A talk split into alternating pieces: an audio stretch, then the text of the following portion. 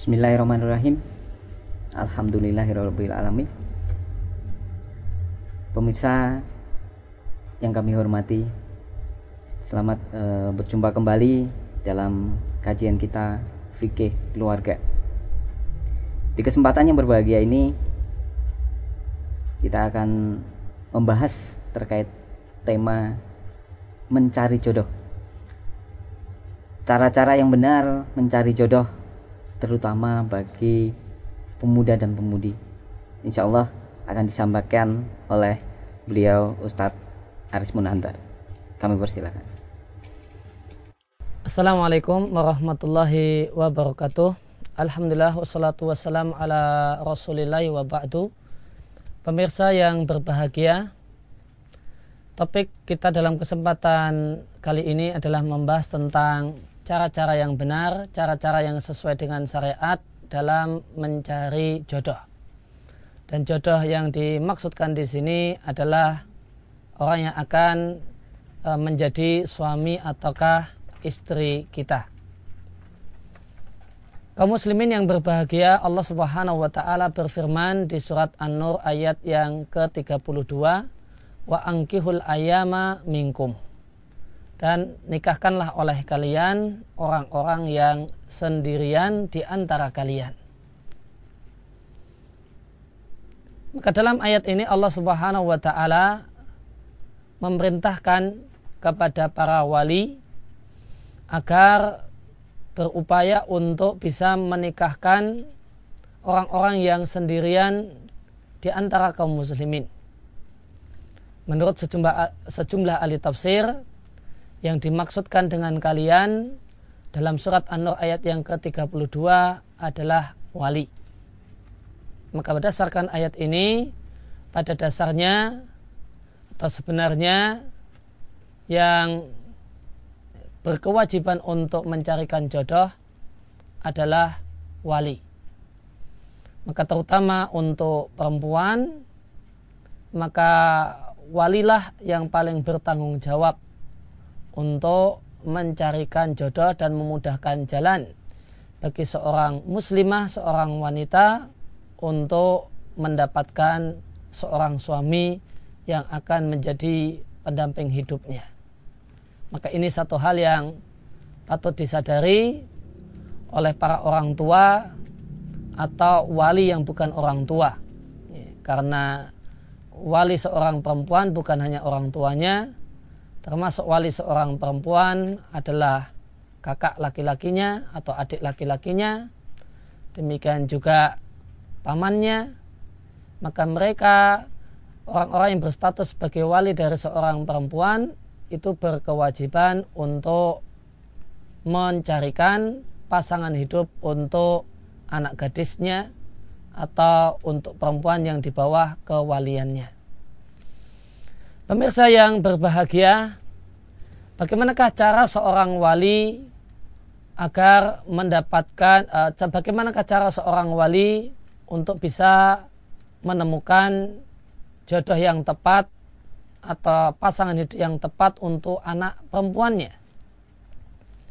Maka di sini wali bisa eh, dengan pergaulannya dengan para laki-laki boleh jadi di pengajian dan boleh jadi di tempat-tempat yang lain maka nanti bisa dia lihat uh, manakah eh, laki-laki uh, yang cocok dan sesuai dengan karakter uh, dan sifat anak gadisnya ataukah dengan berbagai hal yang lain yang ada pada diri anak gadisnya ya.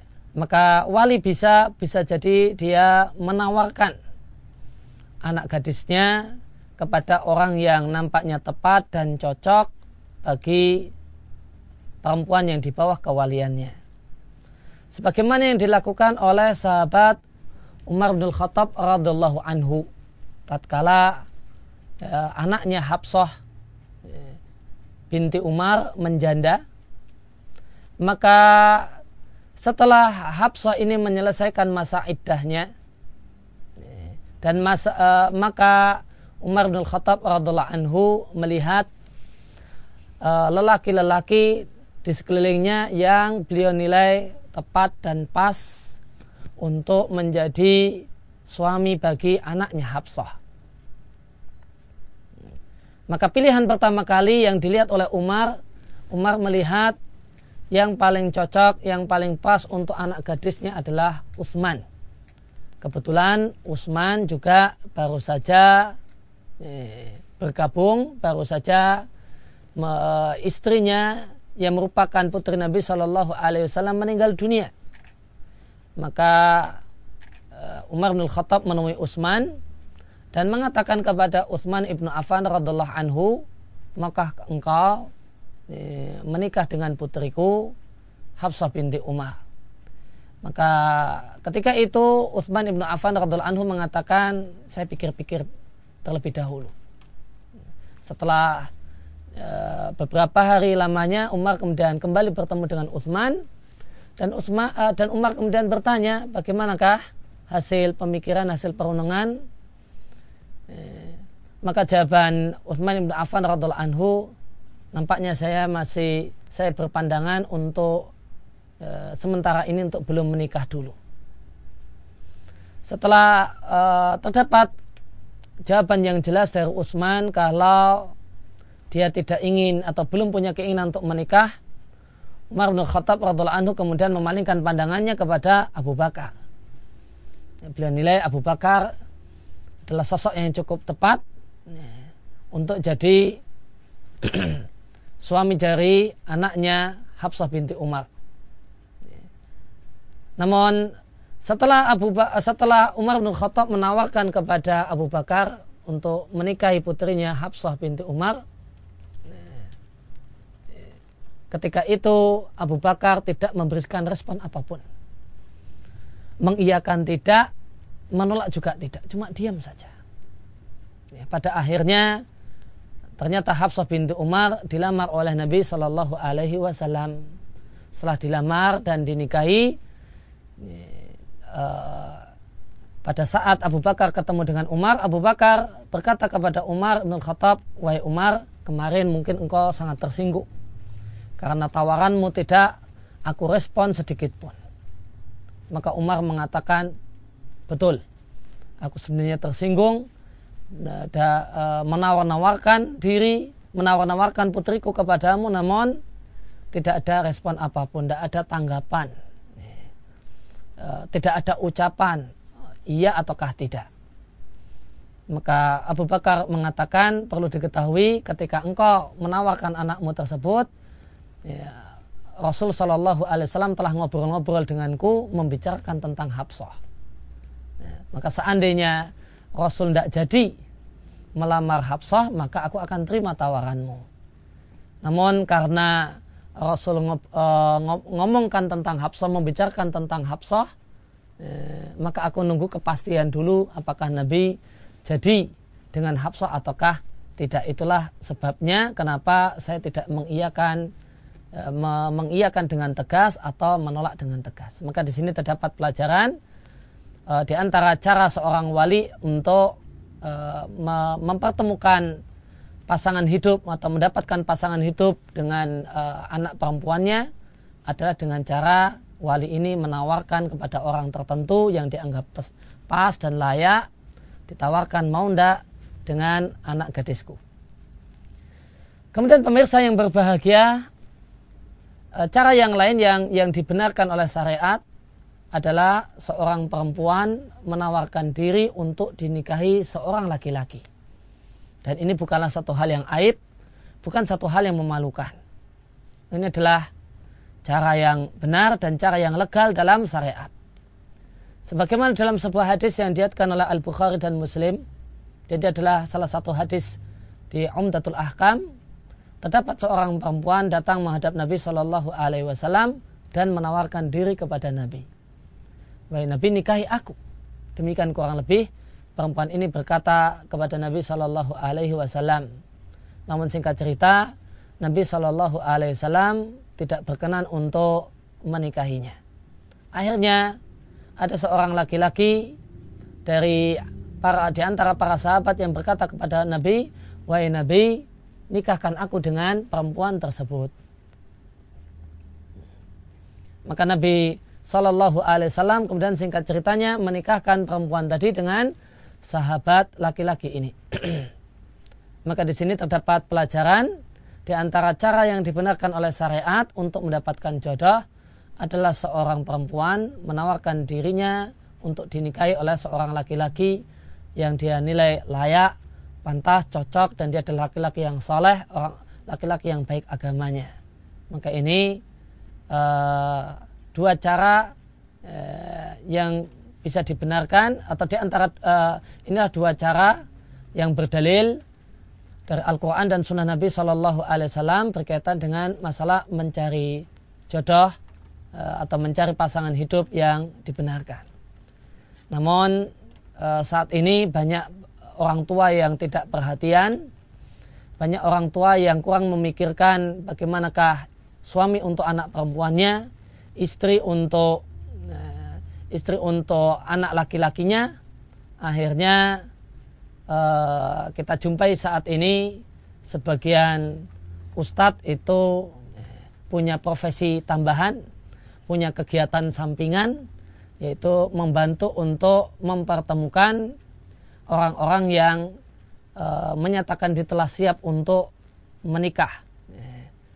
Uh, maka ini sebenarnya bukanlah tugas seorang ustadz, bukan tugas seorang guru ngaji.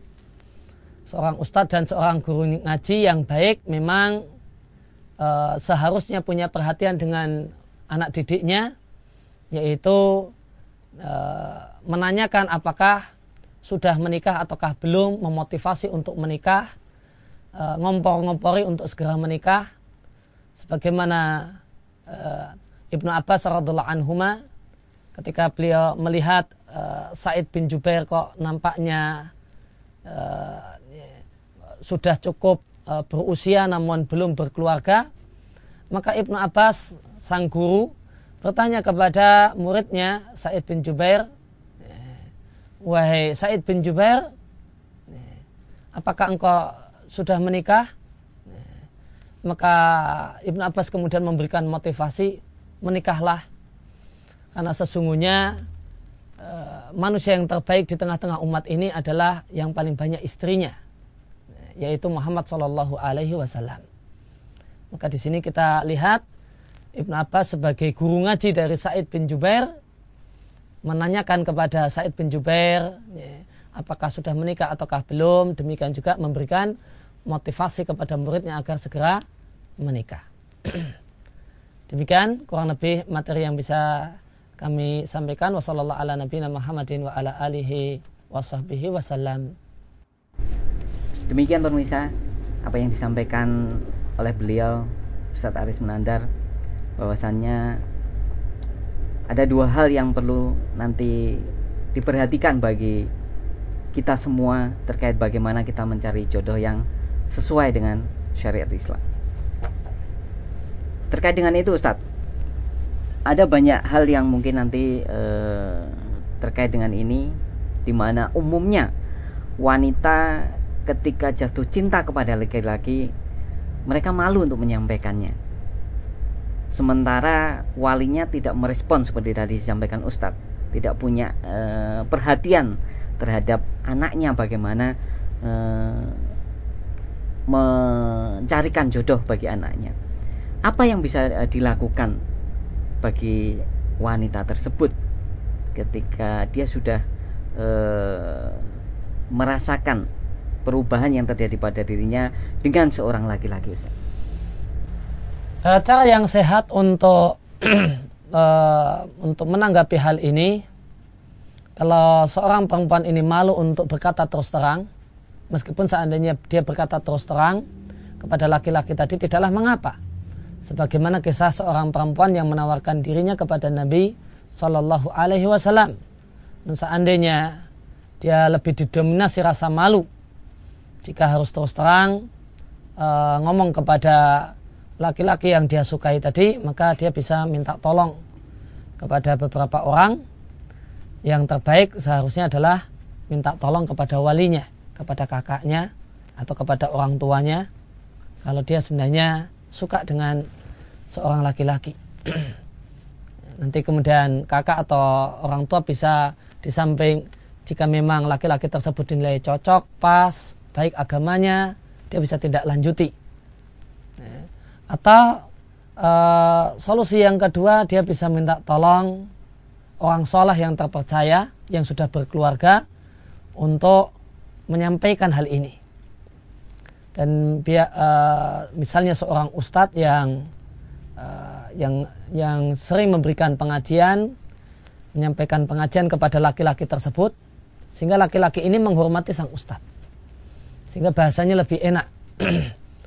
Maka dia bisa minta tolong kepada seorang ustadz atau orang sholah yang lain, yang terutama yang sudah berkeluarga untuk menjadi penyambung lidah keinginan si perempuan, keinginan hati si perempuan dengan laki-laki tersebut.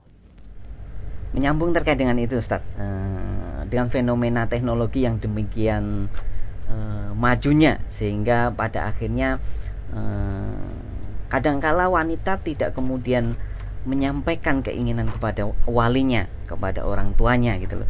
Tetapi ada media-media yang mereka gunakan, katakanlah sekarang mungkin ada banyak teknologi terkait dengan mencari jodoh melalui Facebook, ya, melalui biro-biro jodoh. Dan yang cukup fenomenal sekarang e, terkait dengan biro jodoh ini banyak ditayangkan di televisi. Eh, acara-acara terkait bagaimana menjodohkan e, antara wanita dan laki-laki. Sejauh mana e, hal ini sesuai dengan syariat Islam Ustaz? Yang pertama berkaitan dengan masalah mendapatkan jodoh melalui Facebook atau semacam itu. Maka ada satu kaidah fikih yang patut untuk dipertimbangkan yaitu mabunia alal fasid fawa fasid. Segala sesuatu yang asalnya itu adalah jelek maka biasanya umumnya hanya akan mendatangkan kejelekan.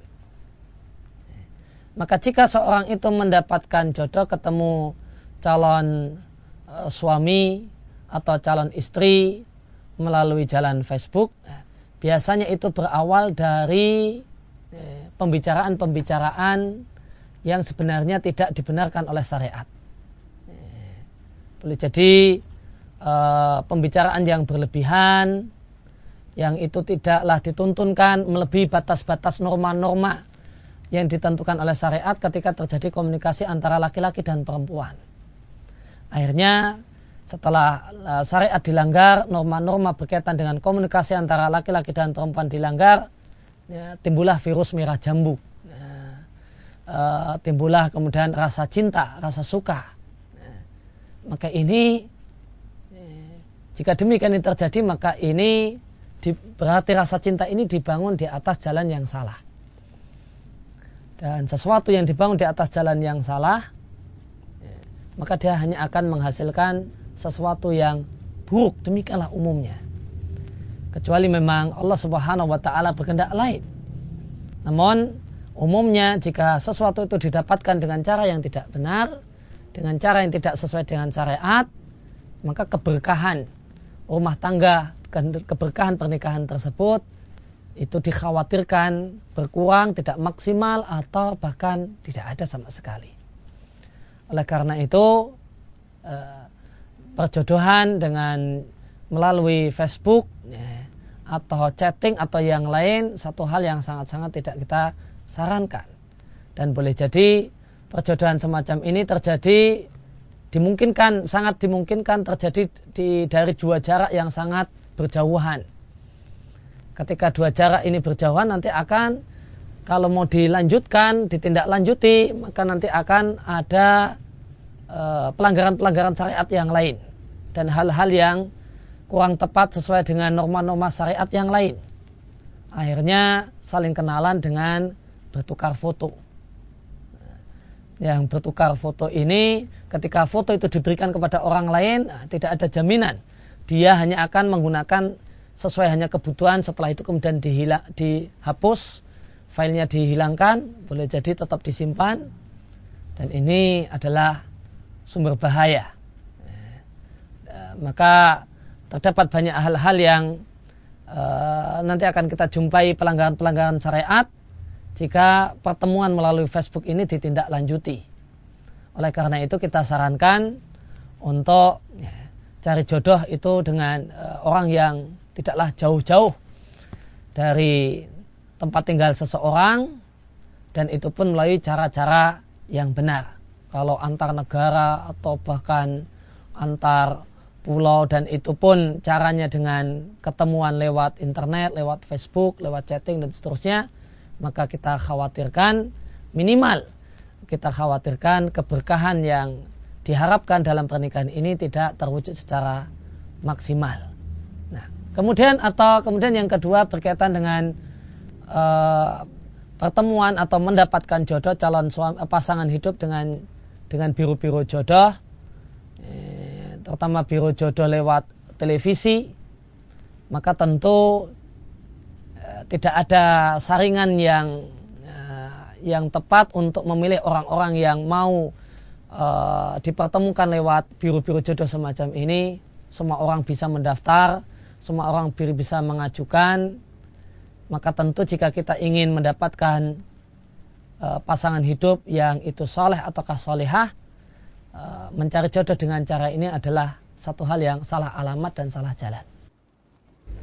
Pemirsa yang kami hormati, eh, demikian terkait dengan pembahasan kajian kita di kesempatan ini fikih eh, keluarga. Terima kasih wabillahi taufik walidayah. Assalamualaikum warahmatullahi wabarakatuh.